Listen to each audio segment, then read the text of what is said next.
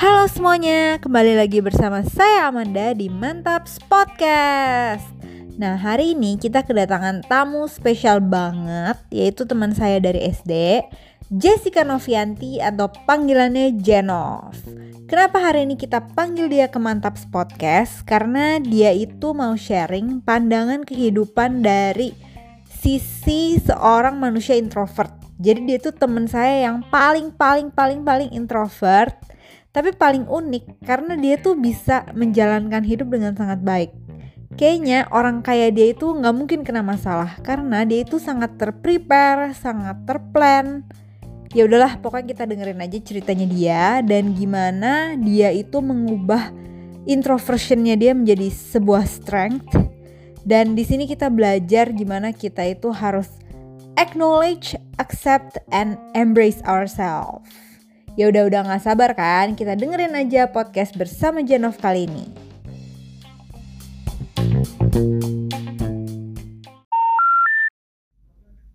Halo Jessica. Halo su. Oh. Dagu. ulang ulang. Lu ngomong dulu ya. Gue Ya. pikir langsung gue ngomong. Ini kayak emang Jessica itu orangnya suka banget ya ketawa ya. Jadi kayak kayak kita harus banyak pause-pause dan ngerekam ulang. Oke, fine. Oke. Oke, ulang. Hmm.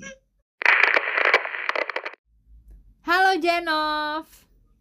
Halo Dagu. Gimana nih hari ini? Udah siap ngomong di Mantaps Podcast? Siap dong. Thanks for having me. Sekarang lu perkenalin diri dulu deh. Oke. Nama gue Jessica Novianti. Biasanya dipanggil Jenov. Kenal Dagu dari SD di Sanur. Jadi udah lama banget kenal Dagu sampai SMA. Terus pas S- eh, kuliah kita pisah. eh, terus gue lanjut kuliah ke Belanda. Sampai sekarang eh, udah 9 tahun di Belanda dan sekarang Dagu di London. Jadi kita semakin sering ngobrol karena time zone-nya sama. Iya. Oh my god, ternyata kita udah lu udah 9 tahun juga ya di Belanda ya. Iya cepet ya. Gak berasa 9 tahun karena hampir setiap hari gue tuh pasti ngobrol sama Janov Dari kita lulus SMA sampai sekarang itu hampir setiap hari Iya. Oke Dari zaman dulu nanya-nanya buat belanja ini itu sampai sekarang ngomongin hidup ya. Iya dan gue tuh kan orangnya ekstrovert banget nih Lucunya kayak gue tuh cocok banget sama orang-orang yang justru introvert gitu Kayaknya emang diciptakan untuk jadi teman deh dua orang itu ya Bener bener bener bener. Kayak kayak gue juga banyak teman extrovert salah teman baik salah satunya juga lo dan itu kayak complementary banget sih. Iya. Nah, si Janov ini meskipun dia introvert tapi dia suka banget ketawa dan kalau udah ketawa nggak bisa di stop dan setiap detik tuh dia kayak bernafas dengan ketawa. Jadi jadi kalau misalnya habis ini dia banyak ketawa gitu kalian semua jangan heran ya. Ya udah, sekarang hari ini topik kita adalah introvert dan extrovert.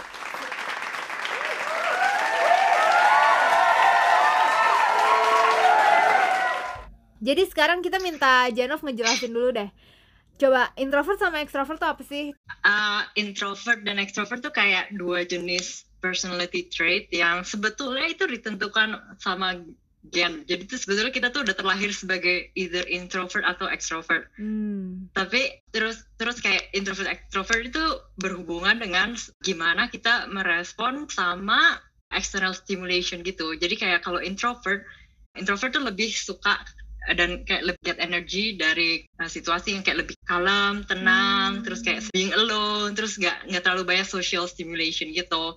Sedangkan extrovert tuh kayak benar-benar kebalikan jadi kayak extrovert tuh get energy from social stimulation gitu. Jadi lebih suka kayak situasi yang berhubungan sama orang lain atau lingkungan yang lebih meriah mungkin bahasanya sebetulnya kayak kalau dari sainsnya sendiri kayak Mhm. introvert dan extrovert itu tergantung dari bagaimana otak kita tuh merespon terhadap uh, dopamin kayak itu kalau lu kenalan sama orang itu tuh menciptakan dopamin itu kayak creates uh, pleasure and reward gitu dan kalau Oh. introvert itu tuh sensitif banget jadi kayak sedikit aja Hah? kayak udah ya cukup udah cukup cukup gitu sedangkan kalau extrovert Ah. itu tuh uh, less sensitive jadi kayak uh, bisa dapat banyak dopamin, uh, kenalan banyak orang, terus kayak nggak berasa capek gitu dari keadaannya rame itu. Oh, jadi kalau Gitu. introvert itu lebih Terus- sensitif sama dopaminnya dia. That's why dia tuh lebih cepet capek kalau kayak ketemu banyak orang, interaksi sama banyak orang gitu ya. Betul, betul, betul. Hmm. Sedangkan kalau extrovert itu betul dia banget. kayak eh, lebih less sensitif sama dopamin. Jadi kayak mau ketemu seribu orang juga nggak cepet capek gitu. Betul, betul, betul. Itu itu kayak perbedaan paling besarnya juga. Tapi Hmm. kayak sebetulnya walaupun kayak kita ter- terlahir sebagai introvert atau extrovert, tapi sebetulnya bagaimana kita tumbuh lingkungan sekeliling kita itu mempengaruhi banget sih. Kayak misalnya kayak ah, waktu kecil ya orang tua kita tuh gimana, terus kita teman-temannya gimana di sekolah gimana. Jadi kayak semua orang itu sebetulnya ada sisi introvert dan extrovertnya. Nggak ada orang yang 100% introvert atau 100% extrovert itu kayak nggak ada. Jadi semua orang tuh kayak ada kombinasinya. Mungkin kayak kalau kayak gue personally mungkin gue 80% introvert, 20%-nya extrovert.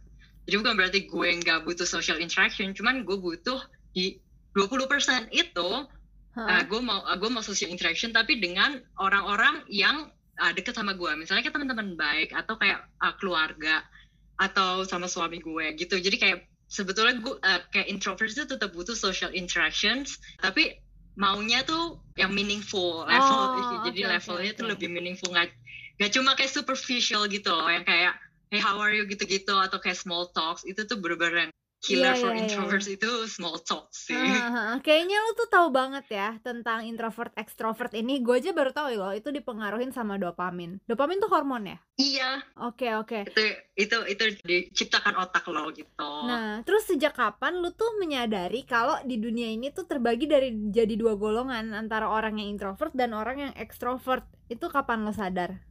Eh, mungkin kayaknya sih sekitar zaman zaman SMA ya. Waktu kan SMA sebelum masuk kuliah kita tuh banyak ada tes bakat gitu-gitu ya. Hmm, Terus kayaknya itu sih mulai baru pertama kali kayak gue ngeh gitu. Se- eh, karena sebelum sebelumnya mesti mungkin gue lebih kenal cuman istilah pemalu gitu. Kayak gue disebutnya orang yang Ah. pemalu. Walaupun sebetulnya setelah gue eh, mengenal lebih lanjut uh, what is introversion itu tuh sebetulnya beda dengan being pemalu. pemalu gitu. Ah, Jadi orang ekstrovert pun bisa jadi pemalu gitu. Nah, jadi mungkin sekitar zaman-zaman SMA uh, waktu tes bakat gitu. Tapi kayaknya paling berasa waktu gue pindah ke Belanda lanjutin kuliah itu. Mm-mm.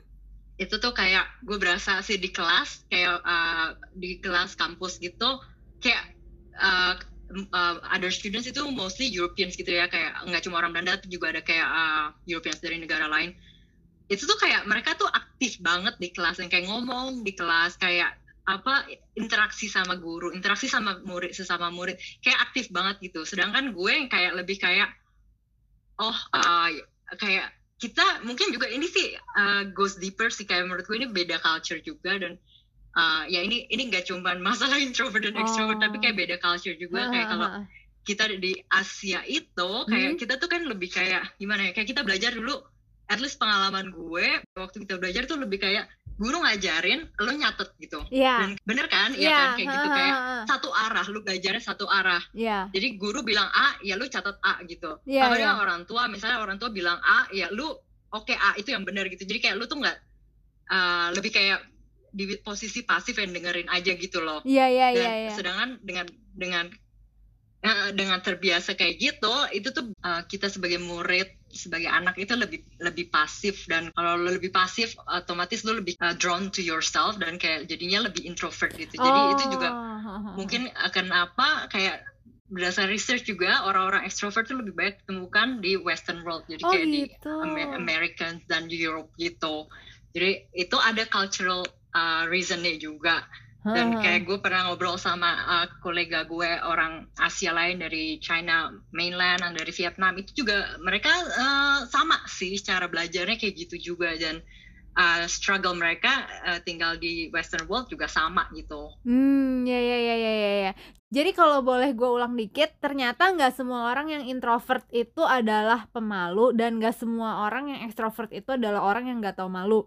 Dan itu Betul. tuh ternyata dipengaruhin sama dari lingkungan mereka juga. Kayak misalnya dari mereka kecil, mereka tuh diajarinnya mungkin sebagai orang yang lebih aktif kayak dilempar pertanyaan itu bakal bikin mereka jadi lebih ekstrovert. Sedangkan kalau kita yang textbook nih kayak waktu kecilnya diajarinnya oke ini ini halaman sekian ya. Terus ulangan tanpa kita dilempar pertanyaan-pertanyaan yang kritis ya kita bikin kita emang jadi lebih introvert. Betul betul. Dan itu dirasain sama banyak orang Asian di yang tinggal di luar negeri juga gitu ya. Iya betul ngerti ngerti ngerti. Terus kayak misalnya eh kamu sendiri nih kapan sih sadar kayak tergolong introvert gitu eh sad- eh, sadarnya mungkin kayak udah dari kecil udah banyak tanda ya kayak inget banget nih zaman SD kelas 1 deh atau TK gitu deh Hmm. bener-bener yang kalau setiap nyokap gue ambil raport gurunya tuh kayak gak masalahin nilai gue tapi selalu ngomongnya kayak bu anaknya tuh pendiam banget ya gitu gitu oh kayak. iya iya iya iya iya. jadi ya jadi bener-bener sama terus deh eh, komentar-komentar gurunya tuh gitu terus gitu. Introvert tuh kayak lebih uh, enjoy spending time alone gitu. Mau ngapain aja lah mau mulai dari berpikir atau kayak hobi time atau uh, even santai-santai gitu. Cuman kayak uh, lebih lebih lebih suka uh, menghabiskan waktu sendirian gitu dan uh, uh, dan juga meng- berusaha menghindari social interaction yang nggak nggak perlu Hmm. contohnya, uh, small talk itu Hmm. kayak di kantor itu uh, gue nggak tahu ya gue nggak pernah kerja di kantor Indo jadi gue nggak pernah tahu apakah ini uh, di kantor In- Indo juga cuman kalau di Europe itu parah banget ya namanya small talk dan gue sebagai introvert benci banget. Iya iya. Itu itu bener-bener killer banget. Kayak cuma nanya how was your weekend? Uh, terus how are you? Terus ngomongin weather. Iya. Kayak iya ngerti banget ngerti banget ngerti banget. Kayak dia tuh Iya, nanya kayak- how are you today? I'm fine Iya, thank you and kayak you? kalau kalau bener-bener superficial yang kayak sebetulnya mungkin mereka juga nggak interested. Jadi kalau gue Bener mau banget. ngobrol lebih baik uh, beneran either, gu- either beneran interested dengan topiknya atau dengan orangnya atau enggak sama sekali nggak usah deh gitu. Kalau buat gue sih gitu gitu. Ya ini gue ada gue ada mau sharing sesuatu yang lucu banget nih ya. Jadi ini buat cerita juga nih buat para sobat mantaps jadi awalnya kan aku pindah ke London itu gue masih terbiasa sama budaya Jakarta budaya Indo yang emang kalau orang Indo tuh kalau basa-basi diniatin gitu. Emang interest sama topiknya. Iya. makanya kita itu terkenal sebagai orang yang sangat friendly sangat ramah. Pokoknya kalau kerja Iya, di bener. Indo itu most time tuh kita kayak bisa ketemu di ruang kopi aja ketemu di dapurnya kantor aja tuh bisa ngobrol setengah jam. Terus kalau ketemu bos tuh bisa small talk sama bos. Terus juga kalau misalnya sama orang-orang yang kita kenal juga dari time to time kita bisa kayak chatting gak penting buat sekedar nanyain apa kabar ke orang itu ya kan Mm-mm. Mm-mm. Nah, begitu gue pindah ke US, jadi waktu gue kerja itu ada satu orang umurnya tuh jauh di bawah gue kayak eh, 9 tahun di bawah gue. Terus kita tuh kerjanya bareng. Terus habis itu dia tuh suka nanya sama gue karena kebetulan nih kita berdua jadi satu tim. Dia suka nanya How are you today? How was your weekend? Nah, gue kira tuh beneran dia tuh interest gitu loh sama my weekend. Jadi untuk kayak mungkin sebulan pertama setiap dia nanya kayak gitu, gue tuh akan jawab panjang banget tentang weekend gue yang yang sebenarnya setelah gue pikir-pikir lagi dari mukanya tuh gue liat dia dengerinnya tuh kosong. Kayak dia tuh kayak oh oke oke yeah great wow excellent amazing fantastic just gitu doang. Tapi gue tuh kayak bener-bener wow emang weekend gue sefantastik itu ya. Jadi gue bener-bener kayak kayak malu Kayak sih kalau gue kan pikir-pikir jadinya.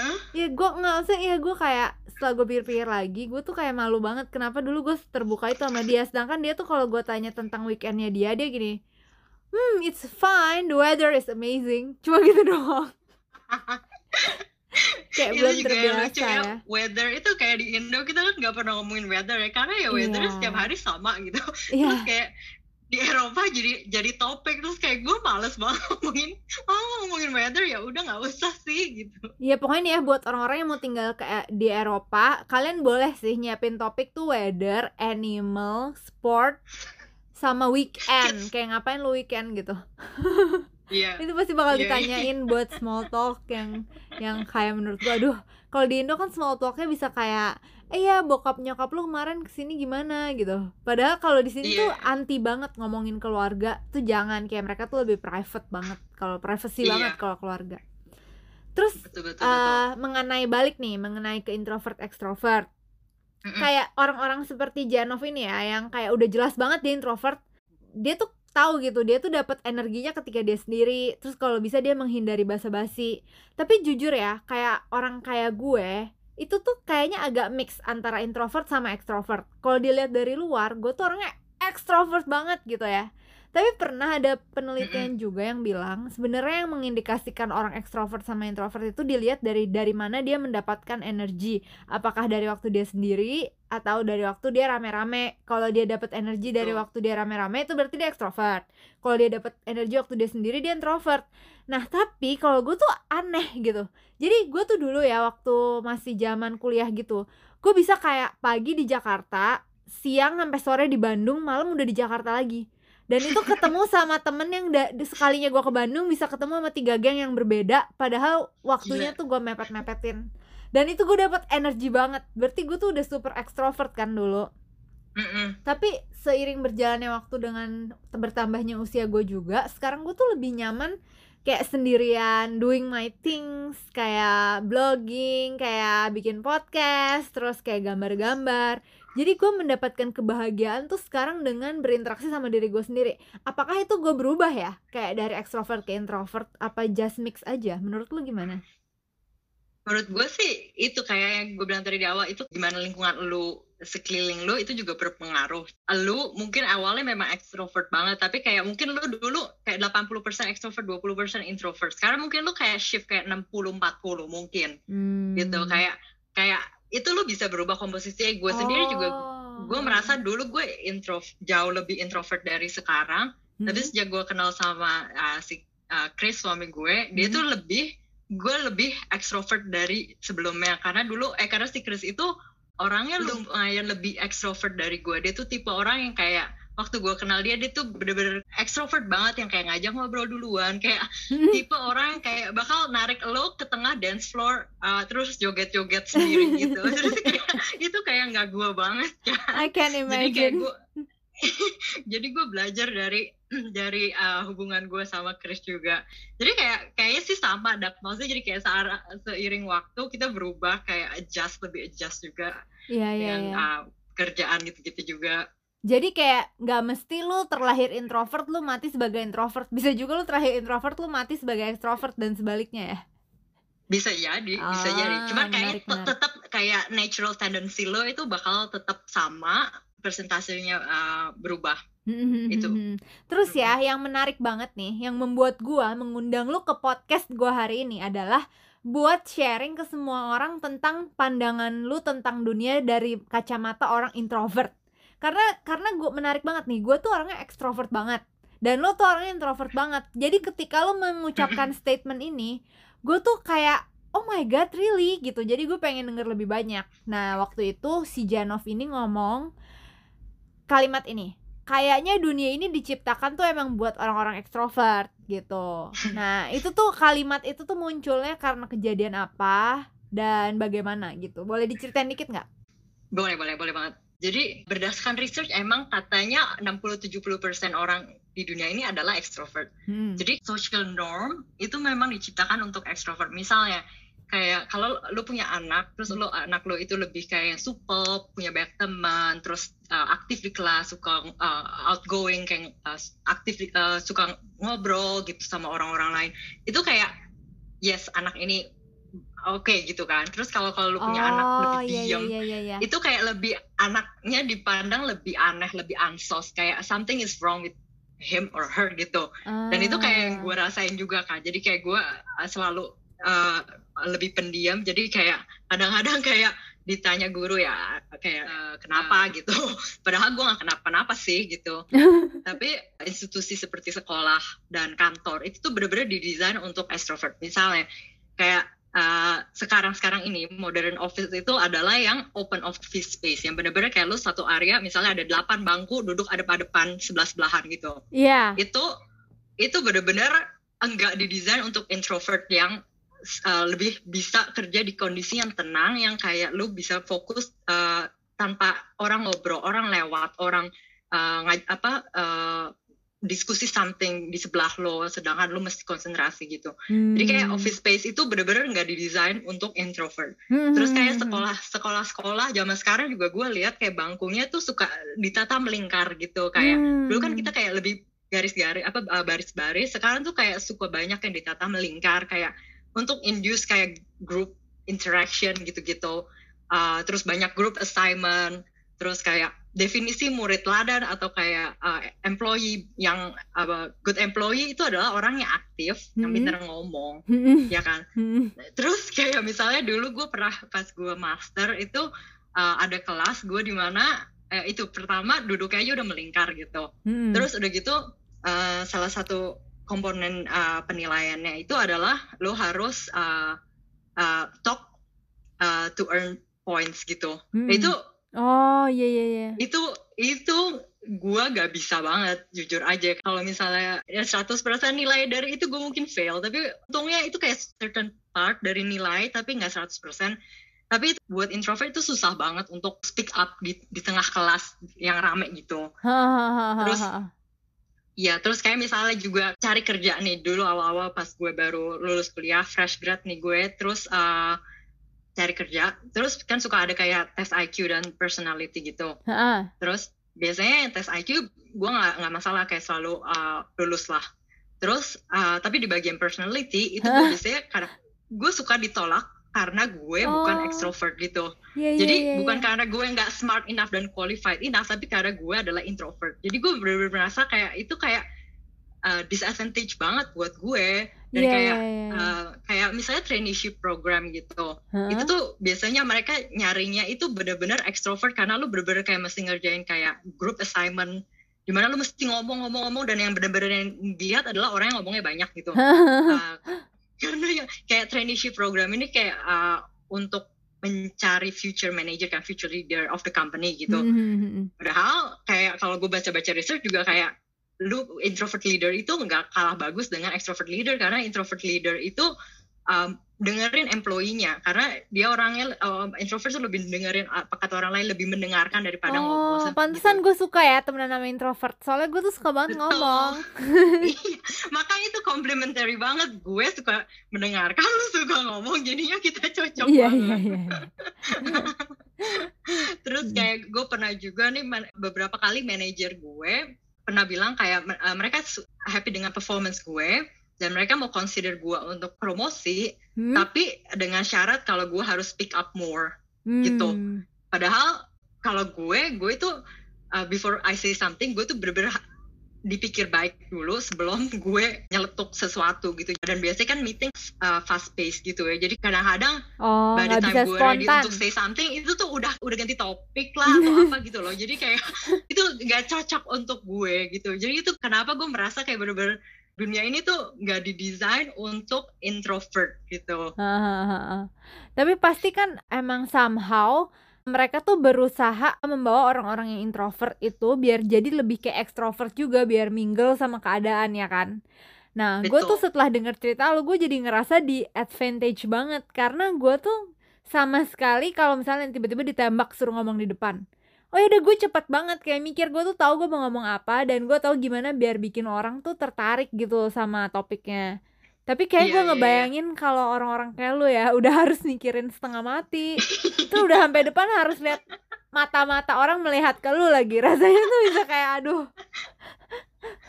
itu betul itu itu itu adalah worst case scenario untuk seorang introvert Tapi kayak extra effort apa aja yang pernah lu lakuin untuk kayak mengatasi hal-hal kayak gitu? kalau disuruh presentasi gitu misalnya Hmm? ya kalau misalnya di schedule dulu ya gue Hmm. gua pasti prepare dulu dari awal Hmm. jadi kayak research topiknya research even research siapa partisipan uh, meetingnya terus what to say in the meeting gitu jadi kayak gue lebih kayak persiapan dari dalam diri gue sendiri jadi gue tuh Oh, oh, oh. ditembak on the spot gitu loh jadi walaupun gue ditembak on the spot uh, gimana pendapat lo tentang ini gue udah ada kayak background informationnya gitu jadi kayak gue nggak blank Iya. jadi itu salah satu yang menurut gue bisa di kantor-kantor kayak di office life itu uh, bisa di dipraktekkan uh, other things misalnya kayak di open open office space gitu Hah? gue biasanya pakai noise cancelling headphone itu membantu buat gue konsentrasi sih walaupun kayak gue pernah dibilangin juga kayak itu jadi kayak orang tuh jadi takut ngobrol sama lo karena takut ganggu. Kalau kalau lo pakai headphone gue pernah digituin sama kolik gue tapi gue bilang "Eh, gue bukannya gitu. Ini bener-bener gue nggak bisa kerja kalau misalnya ada orang ngobrol di sebelah gue atau ada orang pasang musik eh, kencang-kencang di, eh, di di sebelah gue atau kayak orang lewat-lewat gitu. Jadi eh, kayak headphone menurut gue itu bantu juga kalau lo harus kerja di uh, open office space Oh. Uh, karena itu ya, bikin lo konsentrasi dan orang jadi agak takut mengganggu lo jadi kayak leave you in peace gitu loh. Terus kalau jadi introvert itu kan pasti nggak selalu rugi doang dong, ada untungnya juga kan. Pasti banyak Mm-mm. juga. Boleh nggak diceritain kayak keuntungan-keuntungan yang lu rasain nih, karena lu tuh adalah seorang introvert gitu. Apa aja? Banyak banget Uh, contohnya yang Oh, Contoh. paling uh, yang paling uh, relevan sama kita semua adalah uh, lockdown situation itu Oh iya. itu kayak introvert dream sih introvert dreams. Nah ini ini gue sela dikit ya. Sorry. Jadi banyak banget orang yang cerita ke gue, mereka tuh stres lockdown, stres di rumah, stres gak keluar rumah, bahkan kayak ke minimarket aja mereka tuh kangen. Nah, berarti gue bisa lihat kayak karena yang komplain kayak gitu tuh mostly kayak 70% dari teman-teman. Jadi gue ngerasa kayaknya berarti di sekitar gue tuh lebih banyak orang-orang yang cenderung agak ekstrovert. Jadi lu tuh kayaknya dalam populasi teman-teman gue lu tuh udah kayak 10% doang yang bener-bener introvert gitu. Nah, tapi anehnya gue kan seorang ekstrovert. Cuman gue tuh bahagia banget loh lockdown. Kayak kalau bisa dari awal lockdown sampai selesai nanti gue nggak keluar rumah sama sekali. Gue tuh happy banget. Jadi gue bener-bener ambigu sih. Gue tuh nggak tahu gue nih ekstrovert apa introvert. Jadi gue bener-bener kayak mungkin lo ngerasa- ambivert dak Lo Ambivert? bener-bener kayak di tengah emang ada ambivert istilah ambivert. ya itu bener-bener di tengah jadi kayak lo bener-bener Oh, hampir 50-50 gitu oh baru tahu. Jadi kayak, Heeh, heeh. Iya, jadi lu enjoy uh, kontak sama orang lain, tapi lu juga enjoy being with yourself gitu. Oh gitu, ya ya ya. ya. Jadi ada yang namanya ambivert ya. Menarik menarik. Betul. Oke oke. Terus sekarang balik lagi ke untungnya introvert. Apa aja tuh? Oh ya, terus uh, terus ya tadi lockdown situation itu kayak walaupun ya gue nggak gue nggak mendoa, gue nggak menari di atas penderitaan COVID, Iya. uh, wal- tapi kayak ini kayak uh, dream situation sih kayak gue tetap di rumah, gue tetap bisa kerja dan syukurnya kerjaan gue semua bisa dilakukan secara digital, jadi sama sekali nggak ada problem untuk gue uh, tetap di rumah. Hmm? dan yang enaknya itu kayak kalau di gue di rumah first of all itu nggak ada small talk sama colleagues deh kayak nggak ada Oh, orang yang nanyain how are you how are Maksudnya you? kayak kayak uh, apa meeting uh, virtual meeting itu lebih kayak orang lebih straightforward nggak nggak terlalu banyak bahasa basinya gitu jadi menurut gue itu kayak plus point dari uh, lockdown situation untuk uh, orang introvert kayak gue. Terus uh, keuntungan lainnya introvert dan uh, biasanya lebih independen ya karena lu kayak bener-bener uh, depend on yourself kayak lu bener-bener bia- terbiasa dengan diri lu sendiri jadi kayak lu lebih otomatis lebih belajar gimana untuk melakukan hal-hal uh, secara mandiri gitu Hmm. Terus yang kit- terus udah gitu apalagi uh, ya kayak tadi kita udah bilangnya good listener ya Iya iya iya iya. Terus uh, misalnya juga kayak introvert tuh biasanya lebih uh, berpikir panjang sebelum dia uh, ngomong sesuatu atau bertindak sesuatu. Jadi hasilnya itu biasanya lebih meaningful. Jadi kalau seseorang introvert ngomong itu, uh, lu bisa expect itu sesuatu yang meaningful keluar dari mulutnya gitu. Karena itu means a Terus- lot for them ya. Iya, itu kayak dari istilahnya energi energi gue yang 20% uh, gue spend untuk uh, social interaction, gue pilih uh, kata-kata ya, apa yang meaningful dan orang yang mana yang mau gue interaksi Oh gitu loh. wow, menarik kayak- banget. Hmm. gitu. Jadi terus kayak kayak introvert karena uh, introvert kan lebih kayak um, melihat ke diri sendiri gitu. Jadi kayak lebih banyak introspeksi, lebih uh, tahu uh, di mana uh, plus minusnya, terus kayak di mana uh, mereka harus improve, kayak um, apa yang mau dilakukan, lebih kayak mikirin apa uh, life purpose dan relationship juga gitu atau atau hobi gitu jadi itu bisa uh, di involve untuk explore yourself uh, your Hmm. career your relationship hobi gitu Iya iya. jadi iya, kayak iya. itu Mhm. lebih ya buat uh, lebih berkembang secara individu gitu Oke, ya ya ya ya. Terus ya, kan gue lihat nih, meskipun si Janov ini orangnya introvert banget dan dia dan dia sadar kalau dunia ini lebih didesain buat orang ekstrovert. Tapi buat kayak 100 orang yang gue kenal, Janov nih ada di urutan 10 pertama yang doing life so well. Kayak dia tuh bener-bener terplan, terorganize yang kayak setiap hari kalau gue ketemu masalah dan gue panik, gue mikir seandainya gue Janov, gue akan ngapain nih? Seandainya gue Janov, gue nggak akan ada di dalam posisi ini. Jadi inspiratif banget menurut gue tokoh Janov ini karena dia tuh introvert, tapi dia ngerasa dunia ini nggak didesain buat dirinya dia. Tapi dia tuh doing very well, better than others yang ngerasa dunia ini tuh dia banget gitu. Nah, boleh nggak lu bagi eh sharing dulu kira-kira achievement apa aja nih yang udah lu capai selama ini biar orang-orang tuh tahu kayak oh ternyata meskipun gua introvert gue tuh tetap bisa melakukan banyak hal gitu. Boleh nggak? Kayak dari kerjaan boleh atau dari hobi dari apa pun. Boleh nggak sharing dulu? Boleh boleh. Uh, yang paling konkret uh, podcast ini ini kayak oh gitu oke oke Nah, ini ini lumayan out of my comfort zone tapi karena ini lo jadi gue kayak dengan senang hati melakukannya gitu. Cuma ini kayak wow. for an introvert ini kayak quite a step loh. Oh gitu, ya ya ya, baru tahu loh. Gue tuh ngelakuin podcast ini bener-bener kayak ngobrol biasa aja gitu.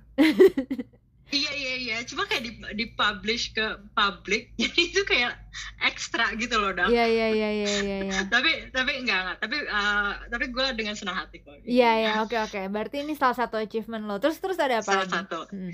Terus uh, terus dulu gue pernah uh, waktu gue dapet scholarship untuk kuliah di Amsterdam di Belanda itu gue uh, diminta untuk kasih speech uh, di depan uh, scholarship Wow. recipientnya itu itu menakutkan sekali sih buat gue yang kayak emang nggak Oh. suka public speaking gitu jadi dan uh, dan ya gue prepare itu dengan gue gue prepare gue siapin teksnya dan gue latihan segala uh, dan itu menurut gue uh, went well Hah? terus kayak wedding speech waktu gue married gue Oh, juga uh, wow. speech itu juga menurut gue kayak bener-bener out of my comfort zone jadi kayak itu menurut gue juga uh, self achievement sebagai seorang introvert Berarti Terus- kayak saking jarangnya lu ngomong di depan, setiap kali lu ada pengalaman ngomong di depan publik tuh membekas banget ya buat lo. iya itu kayak soalnya itu bener-bener bikin yang bikin nervous banget yang bikin bener-bener kayak aduh uh, abis ini abis ini baru gue kayak hidup lagi. Sampai segitunya. Bener Kayak salah satu lagi yang gue pernah itu waktu gue kerja di kantor yang gue sebelum ini Hmm? itu uh, gue pernah dikirim kantor untuk pergi meeting sendiri Hah? kantor di Barcelona Wow. untuk presentasi itu bener-bener gue nggak kenal bayangin ya gue nggak kenal siapa-siapa di kantor itu terus Hmm? gue pergi sendiri Hmm? untuk ke kantor itu dan gue harus kasih presentasi tentang performance mereka yang adalah jelek gitu loh. Jadi oh gue kayak istilah kayak gue datang ke sana sebagai uh, uh, fresh grad uh, mau marah-marahin sales director yang uh, pengalamannya 30 tahun. Gitu loh. terus uh, ya jadi kayak kasih presentasi itu uh, ke ke publik yang gue gak kenal sama sekali. Dan isi presentasinya bukan sesuatu yang positif gitu. Terus kayak ya mesti interaksi sama orang-orang yang gue nggak kenal. Itu uh, itu achievement in itself menurut gue hmm, menarik menarik menarik. gitu gitu Terus kalau dari segi hobi nih, kan gue lihat lately eh, lu tuh jadi Jessica ini ya, saking kayak introvertnya, dia tuh nggak pernah ngepost Instagram sama sekali dulu. Foto dia cuma satu atau mungkin kayak berapa lah lupa. Pokoknya untuk untuk 10 per tahun pertama dia punya Instagram dia nggak pernah ngapa-ngapain. Nah, tapi lately di lockdown ini, tiba-tiba dia tuh kayak excel banget. Tiba-tiba dia langsung eh, ngepost ngepost diri dia tuh lagi hobi banget ngejahit dan bajunya tuh bagus-bagus, bagus-bagus banget. Boleh nggak ceritain sedikit tentang hobi kamu dan kamu sebagai Boleh, boleh. introvert enjoying itnya tuh gimana? Dan eh, gimana cara kamu belajar untuk makin eh, kayak eh, expert dalam hobi kamu itu? boleh boleh boleh jadi gue tuh uh, suka uh, spend time with myself untuk uh, ya untuk improve diri gue sendiri juga. Dan kayak emang gue orangnya crafty dari dulu. Gue suka banget yang berhubungan dengan kerajinan tangan. Uh, jadi uh, jadi uh, dan gue suka banget fashion dari dulu juga karena nyokap gue lumayan fashionable. Jadi oh, kayak yeah. itu udah jadi itu udah kayak dari kecil gue udah kayak uh, tertarik dengan fashion gitu Hmm. tapi uh, terus kayaknya sih mulai uh, bener-bener konkret tuh kayak pas gue udah di Belanda Hmm. itu uh, gue student dulu jadi kayak gue mau beli baju gue juga uh, nggak punya uang banyak untuk spend sedangkan kadang-kadang ngelihat harga baju ya ampun baju gini doang kayak 50 euro itu kayak uh, agak males ya gitu dan Oh. apalagi udah begitu terus udah gitu gak fit kan kayak kepanjangan lah kegedean lah kayak gue secara, secara gue orangnya kecil itu kayak gak fit gitu loh Hmm. dan gue itu uh, lumayan picky untuk baju kayak gue tuh uh, punya uh, certain style yang gue suka dan itu kadang uh, most of the time gue nggak bisa dapet dari toko-toko yang Hmm. menjual gitu Oke. jadi itu kayak kombinasi dari- dari segala hal dan uh, dan kayak gue suka uh, gue gue pengen uh, punya sesuatu yang kayak fit gue sesuai gaya gue sesuai budget gue dan uh, dan bener-bener kayak unik gitu. Jadi itu kenapa gue mulai start dan it, uh, dan itu perfect hobi banget uh, untuk seorang introvert kayak gue. Karena gue bisa kayak udah uh, sibuk sendiri dengan itu. Kayak bener-bener gue bisa uh, sepanjang weekend uh, ngerjain sesuatu bener-bener enjoy banget. Kayak bener-bener berasa in my peace gitu. Kayak bener-bener Hmm. ah seneng gitu bener-bener. Dan uh, dan menghasilkan sesuatu yang abis itu gue bisa pakai. Kayak gue bisa uh, bangga dengan hasilnya gitu. Iya iya iya iya iya, kebayang. tuh Terus lu belajar Terus- dari mana aja tuh?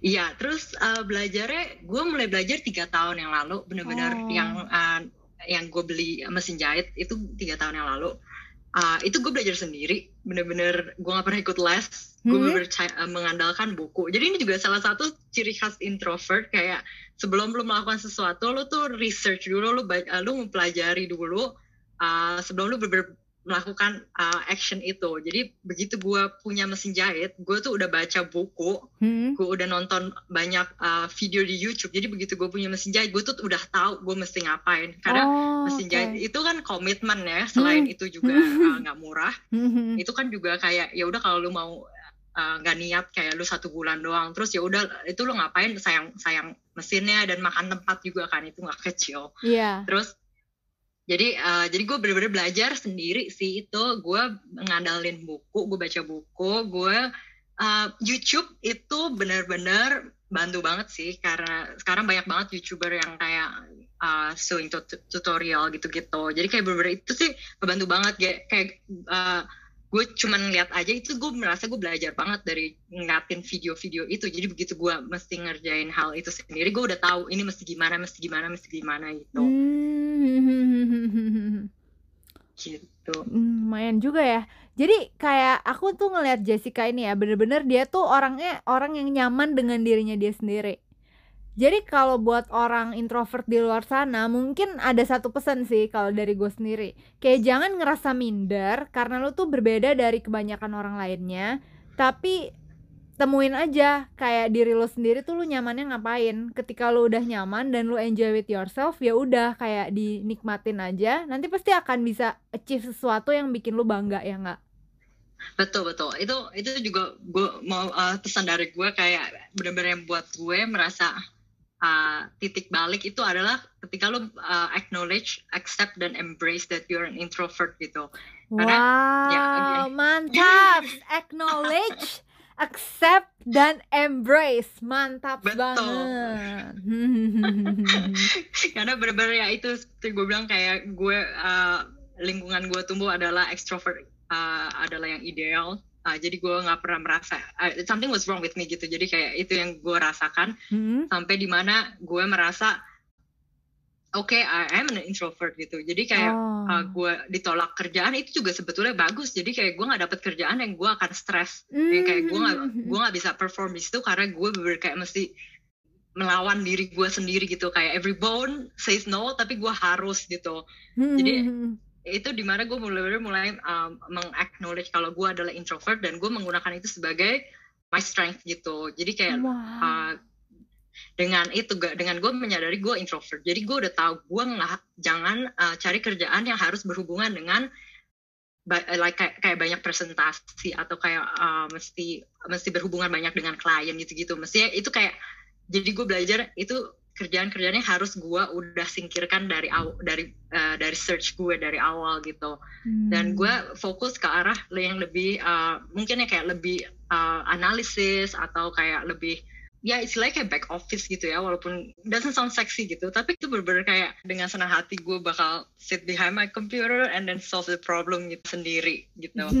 Jadi itu bener-bener yang gue pelajari dari my, my first job uh, gimana gue bisa uh, first job itu lebih banyak uh, interaksi untuk presentasi uh, uh, dan ketemu orang. Terus kayak gue tahu gue nggak suka dan gue uh, uh, gue cari kerjaan yang nggak terlalu involve itu. Tapi walaupun gitu menurut gue sih ya tergantung uh, lo uh, lo sebagai walaupun lo introvert misalnya lo tetap mau jadi TV presenter atau jadi lawyer ya itu boleh banget. Tapi ya berarti lo harus practice outgoing lebih uh, chatty lebih extroverted uh, walaupun lo introvert gitu. Hmm, hmm, hmm, Jadi kayak balik lagi ke kitanya sendiri ya, nggak harus kayak kita accept oh gue introvert terus gue cari kerjaannya ya udah yang back office aja. Padahal sebenarnya deep inside gue suka juga sama dunia entertainment. Tapi ya kalau misalnya lu sukanya apa ya coba dikejar aja. Tapi dengan menerima kalau lu tuh emang introvert jadi lu harus ngapain nih gitu ya kan? Betul betul. Banyak kok artis yang introvert kayak Taylor Lady Gaga aja introvert terus uh, Elton John gitu. Kita ya uh, sebetulnya artis-artis juga banyak yang introvert. Jadi kayak gimana lu menggunakan uh, introversion lu sebagai strength lu aja. Jadi lu berarti harus tahu uh, after uh, ya misalnya kalau TV presenter uh, selalu siaran ya lu spend some time with yourself. Kayak udah lu keluar cari udara lah istilahnya dengan yeah. sendiri aja gitu. Jadi kayak gitu-gitu aja sih. Ya yeah, kayak lu sendiri lu juga belajar dari oh first job lu ini ternyata lu nggak suka jadi lu cari yang lain jadi jangan takut buat salah ambil keputusan ya kan betul Iya, yeah, cuma yeah, yeah. Uh, ya you learn from your mistakes gitu mm -hmm. kan. Dan terakhir nih ya untuk kayak bumbu-bumbu ya berhubung waktunya juga udah panjang. Jadi sekarang kita mau menuju penutup tapi sebelumnya minta tips dulu nih. Kan kan bisa kita lihat ya lu tuh udah dapet beasiswa dapet kerjaan your dream job yang lu inginkan dan lu bisa menekuni hobi lu sampai jadi sesuatu gitu berarti kan lu have everything uh, in in your arm gitu kan. Jadi kita ya minta tips lah, kayak boleh ngasih tahu buat orang-orang di luar sana yang ekstrovert kayak gue nih, yang bener-bener gue nggak memahami gitu. Yang tadi lu semua ceritain tuh di otak gue nggak pernah terbesit sama sekali gitu. boleh lah. Uh, uh, gue ada tiga minta tiga tips. Satu gimana kayak menghadapi teman kerja yang introvert? Kedua gimana cara mengejar cewek atau cowok yang introvert? Dan yang ketiga gimana kalau lu tuh punya anak dan lu lihat nih dia pendiam banget lu jadi takut kok dia nggak bisa bergaul ya jadi lu paksa-paksa dia main. Gimana raise an introvert kids gitu?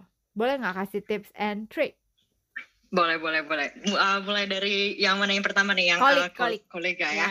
Kalau kalau kolik menurut gue sih itu leave them working alone gitu. Jadi menurut gue sih jangan dipaksa untuk kayak uh, meeting meeting.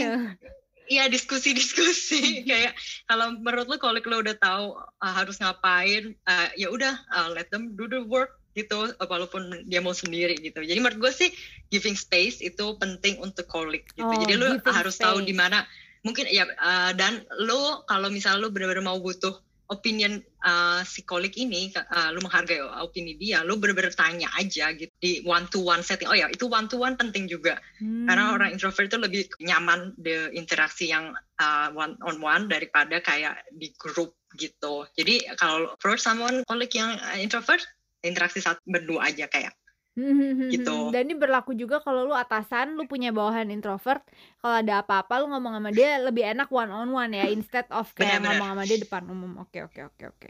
Benar, benar, benar. Terus kalau ngejar nih, kan lu sempet deket nih sama uh, maksudnya sama suami lu yang sekarang kan orangnya ekstrovert. Gimana akhirnya dia bisa mendapatkan hati lu gitu kan kayak krik-krik juga kalau kalau gue nggak tahu nih lu introvert terus gue cara deketinnya salah jadi boleh lalu kasih tahu apa yang lu rasakan waktu dideketin sama si suami lu ini oke okay, oke okay, oke okay.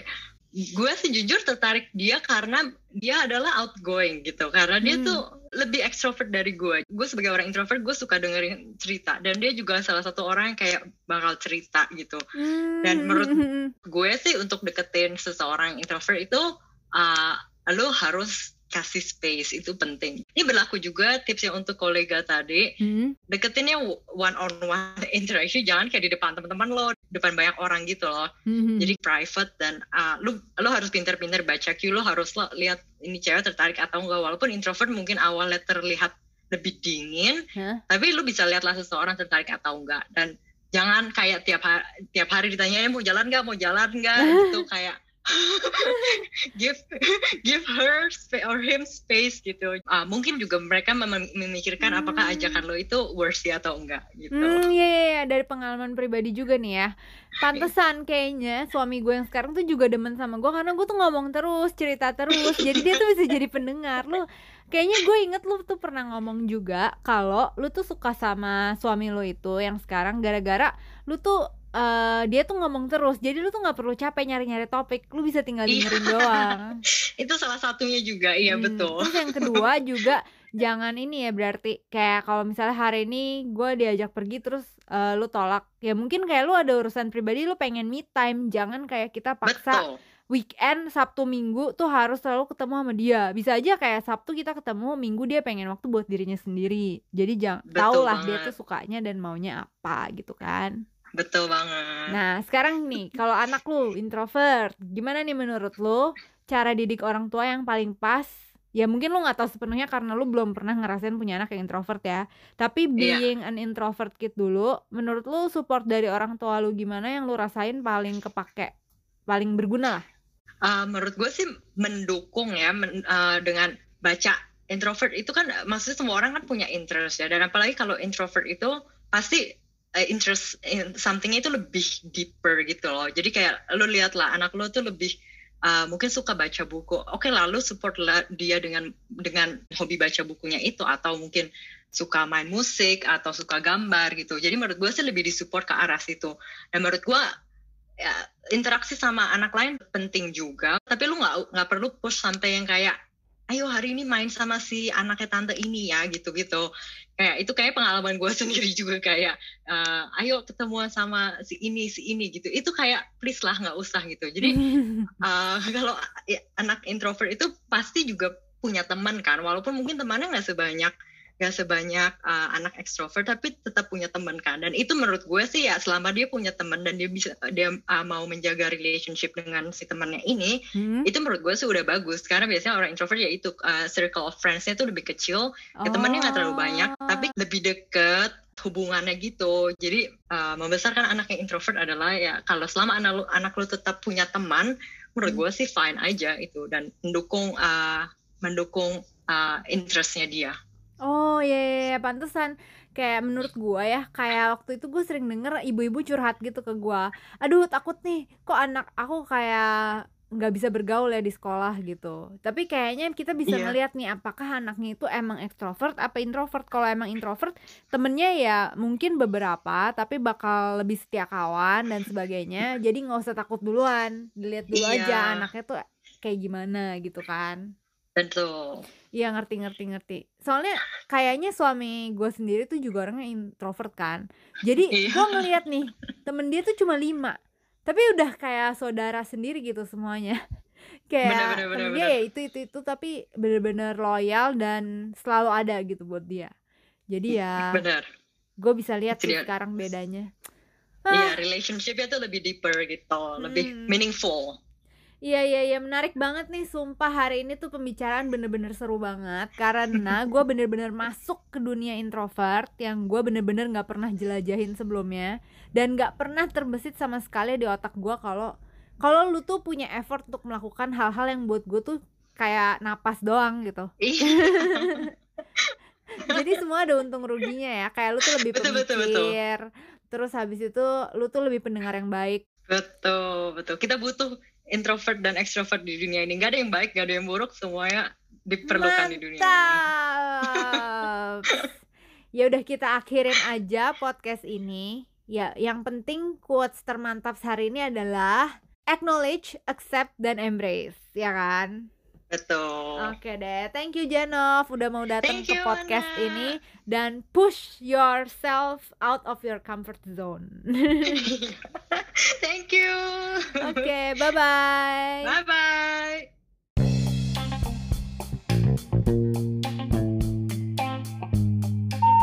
Ya, kita kita latihan mulut dulu. Oke. Kayak Raisa, kayak Raisa.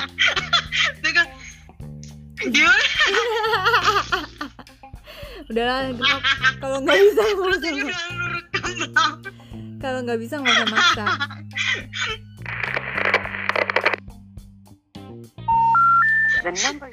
Kalau lu bikin tahu gue jadi menjauh mendekat. Ini gue duduknya deketin deh. Jauh-jauh. Are you Oke. ready now? Ready? Gila nih kayak bakal isinya uh, 90% ketawa lu, 10% isinya. Makanya lu jangan ngelawak. Nggak,